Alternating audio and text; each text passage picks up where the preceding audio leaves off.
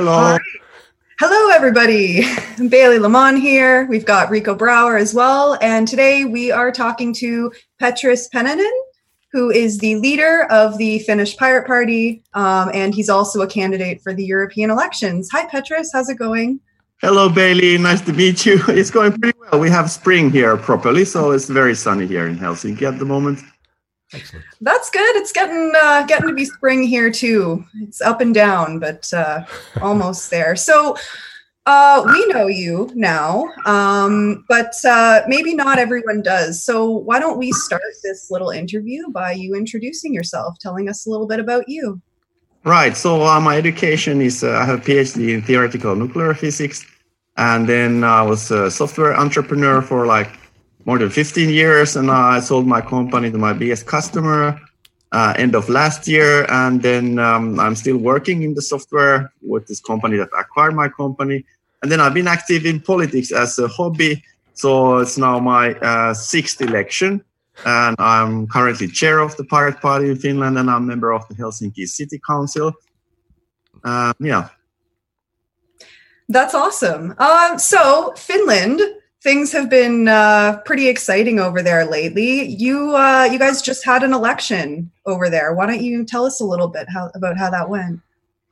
Okay, well, that was a major election. Yeah, I mean, we had the parliamentary elections, and and we really made an effort there. And um, I personally got a lot of votes. And in Helsinki, where which is the district where I'm, I was running, we increased our share of votes very well but we had a coalition of four small parties so pirate party feminist party liberal party animal rights party and unfortunately three other parties in the coalition they basically all lost votes. So um, i didn't get through even though with my share of votes which was like 1.2% of all of the votes in helsinki went to me personally i would have gotten through in, in, in most other parties. But yeah so it didn't work out for us in, in terms of the coalition but otherwise it was a good result Okay, well, let me just say one thing. You guys ran an incredible campaign. Um, so you should be very proud of that. I just oh, how, why do you think it's incredible? Um, just watching from afar. Um, I just I just think it was very well put together. Um, you know, I just all I could really do was just kind of follow the the social media, um, talk to people here and there but uh, you know just just from what i saw it was it was very put together. You were really on top of stuff. And um, yeah i just i think you did a great job. And i think a lot did you see my campaign video? Um i think i did. With the animation. It's like a computer game and opening door. Oh, okay. Yeah yeah yeah yeah yeah. That one. You saw that? Yeah. Okay. Maybe you can link to it when you post this because it's like a, a, groundbreaking political campaign video.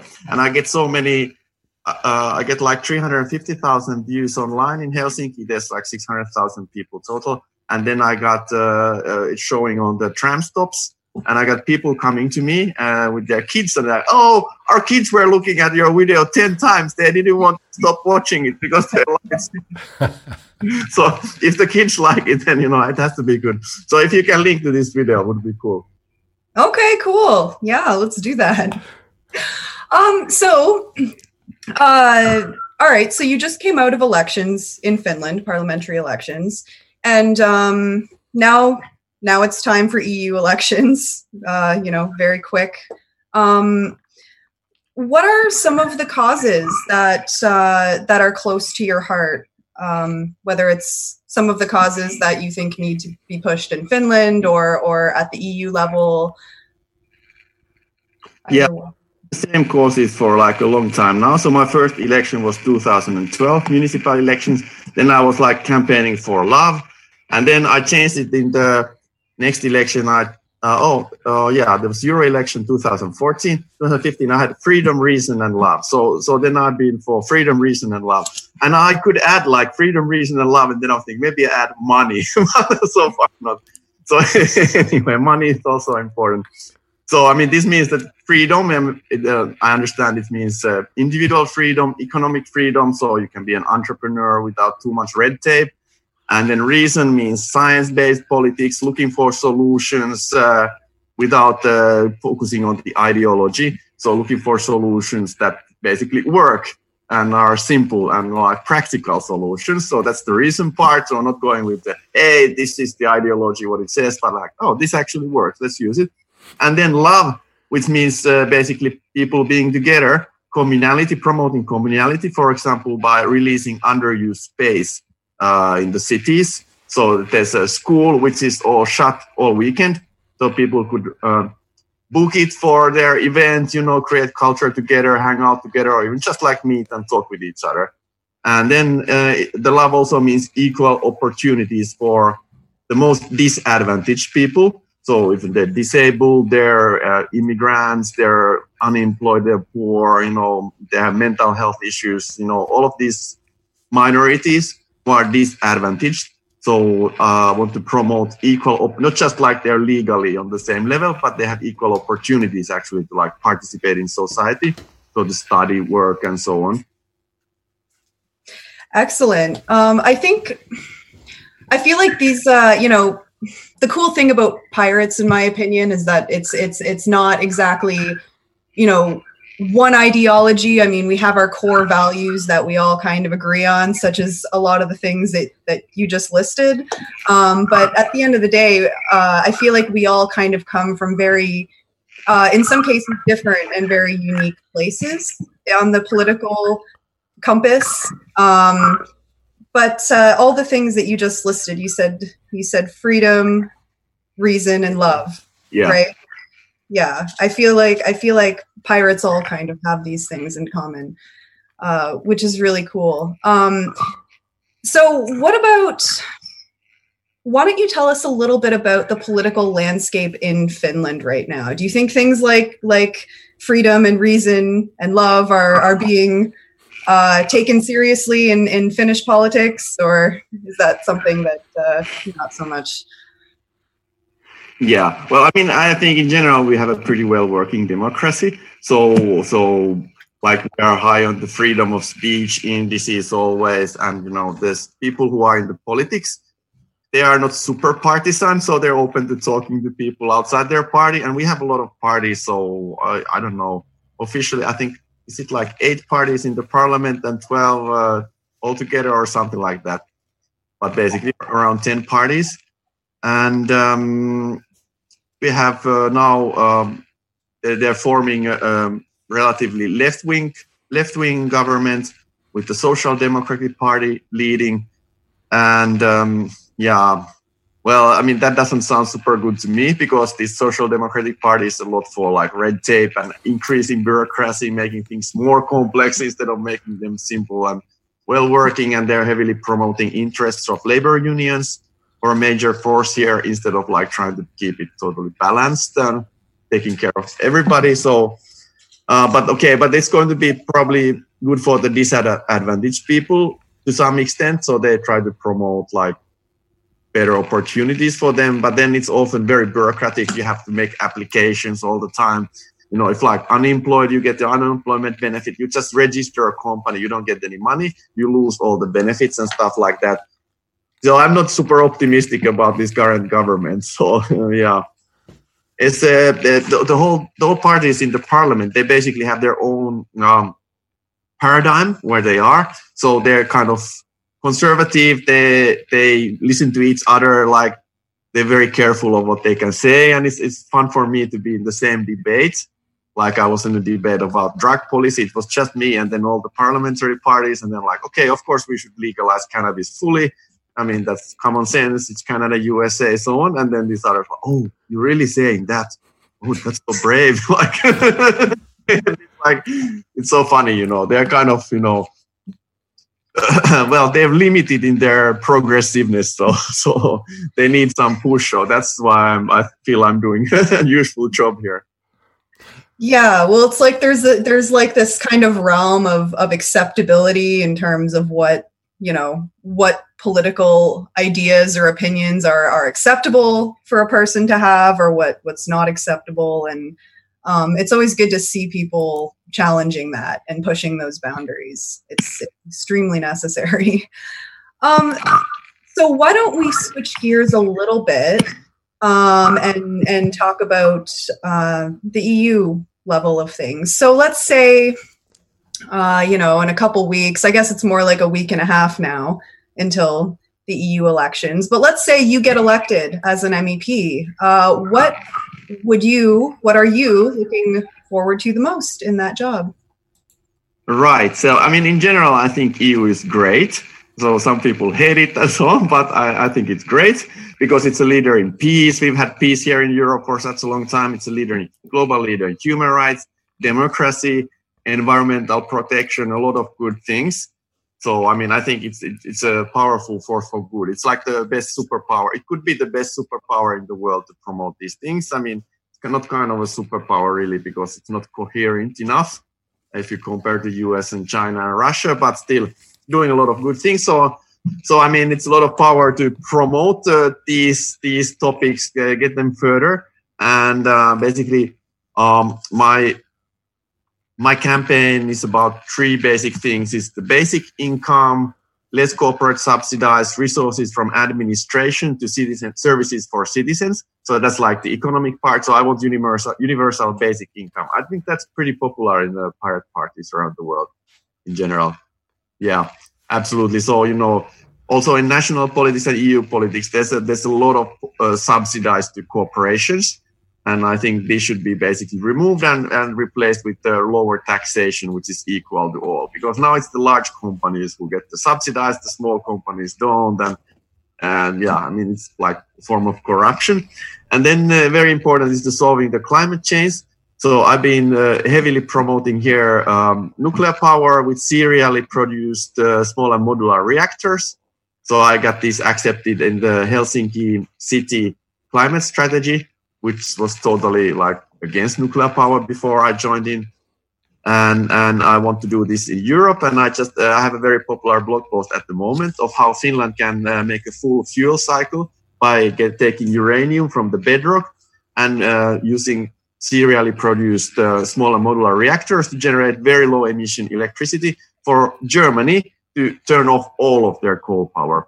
I don't know if you know, but Germany is like burning huge amounts of coal. It's like a totally total sailor in climate change because uh, they are supposed to reduce their emissions and they haven't. They spend hundreds of billions and they haven't reduced. They just invest in renewable energy and they build more coal. So, I mean, we, we really have a chance here of doing a huge thing of actually turning off all of Germany's coal power. And I don't know, nuclear power is maybe not a huge thing in the pirate party politics, but but I'm sure if I can go to Germany and explain this to the people there, you know, I can get them converted. I've already done it with a few of them.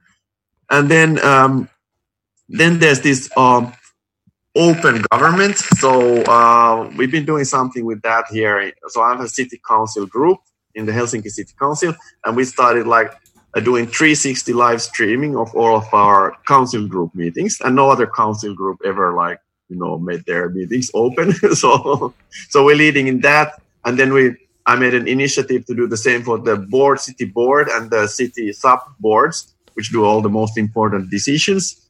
Uh, so so that's something i want to do in the eu because i understand the, uh, the eu uh, administration uh, is really like it's very little transparency there. My friend was trying to find out which directives are going to be next in the euro parliament and it's just like impossible to find out. She was even calling, you know, Brussels and trying to get this information. It's not not transparent at all. So maybe you know you have some transparency for the parliament, but then all the other other councils of EU, not so much. And yeah, and then I want to promote the, the equal opportunities um, for the different groups of people, especially the most disadvantaged groups of people. Uh, yeah. So I have a question for you. And then, hey, I have a defense policy also. Huh? Pirate part. It's not much about defense, but we're Finland. You know, we have a 1,300 kilometers of border with Russia. Defense is a big issue for Finland. We're not member of NATO. So I'm promoting common EU defense policy. So EU should have a joint army, basically, joint defense forces, instead of like some of the countries being in NATO and some not. And, you know, it's a big mess at the moment. Yeah. So uh, those things. but do you also uh, um, as, as a Finnish pirate party or a US person, have an opinion on NATO? Should something change there, or? Yeah, I mean, I'm, I'm, if you ask me, Finland should absolutely join NATO. You know, as soon as we can. or as soon as they accept us. But that's not our pirate party policy. Oh, so in our party, it's divided. And actually, it's a minority of Finnish population who supports us joining NATO, and majority doesn't. Okay. And I don't know the percentages, but definitely our party is divided. So some of our party members are for, some are against. Okay. So we don't have any official policy in the party for NATO. Okay, now we talked to some of the countries uh, uh, running for uh, with pirates for the European elections, and the worry that some of them share is a rise of right-wing populism in their country. So, is that a concern in Finland, or how does it work for you guys? Yeah, absolutely, absolutely. So uh, this right-wing populist party, they just got the, they were the second biggest, and they were like 0.2 percent away from being the biggest party in last month's election. And um, yeah, I mean, uh, our party doesn't like these anti-immigration uh, policies when they are basically reflecting lack of lack of uh, understanding in human dignity. Um, you know, the universal value of human life when it's not really apparent so in these policies so yeah we're completely against that because we're very much for human rights value of human life and so on. And we want a, a sensible um, sensible policy for immigration. And, and you know it's not like yeah let's take everybody in or let's take nobody in but we want the sensible practical solutions. And like for example processing the i, I want that the um, asylum applications are processed very close to the country of departure, where the people are refugee, refugees are coming from. So it could be centrally done, and people safely taken to European countries instead of in the back of the van suffocating and all of that stuff. Yeah, but yeah, I mean, definitely this anti-immigration populism is a big issue here. Thank you. Well, thank you so much for that. Um, do you have anything else that you want people to know about you or about the Finnish Pirate Party or uh, EU election stuff? Anything? Anything else? Can you trust it, trust it some area maybe? Well, uh, maybe something comes to mind, but could you explain? Um, yeah, this is a trick question, but could you explain on what position on the list you are? I know the Ah, answer. Right, yeah. So, I mean, unlike many other European countries, we don't have an ordered list. So the system is that the party selects candidates, uh, and then they each have their own number, and the voters put the number in, and then the one who gets most votes from the list, uh, they get the a number. They get the number of votes for the whole party or the coalition if there's several parties joining, and then the second best, the one who got second most votes, votes, uh, then they get half, and the third gets one third, and so on. And then you put these numbers from the whole country and you see who gets in, who is the top 13. 13 uh, candidates in case of Finland, so we get 13 MEPs. All right, thanks for that. Sounds like a system that could work. I mean, it's nicer because the voters decide who's number one. It's not some party committee, you know. Exactly. All right, thanks for that. That's good. Um, so is there is there any any last words, any any la- final statements before we wrap up the interview? Well, I mean, it's a wonderful interview, and I'm really enthusiastic about how pirate parties in Europe can, you know, promote democracy, rights of people who are not doing well, and communality of us being together. And like, there's so many parties who are trying to divide us. You know, oh, that's right wing, that's left wing. You know, oh, those people want immigrants. So, so really, you know, I want to work together to understand everyone's point of view, and then you make solutions which like takes account into account all the good ideas people on in the different parties might have, putting them together instead of like just blaming and criticizing and you know trying to be the best and putting others down. So, you know, I think we have a great future together. Thank you so much, Petrus. Definitely. Cheers. Thank you so much, Petrus. Best of luck to all of you. Um, and once again, great job with the campaign in Finland. And, you know, uh, good on you for not only, you know, you had that and then a month later, EU elections. Um, that must be really exhausting, but, uh, you know, Yeah. really awesome to, to see you guys doing that. So, yeah, once again, thank you so much for talking to us today. Hey, thank you. Yeah, and we only get last EU election. We get only ten percent of eighteen to twenty-five year olds in Finland voting in the EU election. So I think our biggest thing is now trying to activate the people who haven't voted before. All right. Good luck So- with that. Bye bye. Yeah.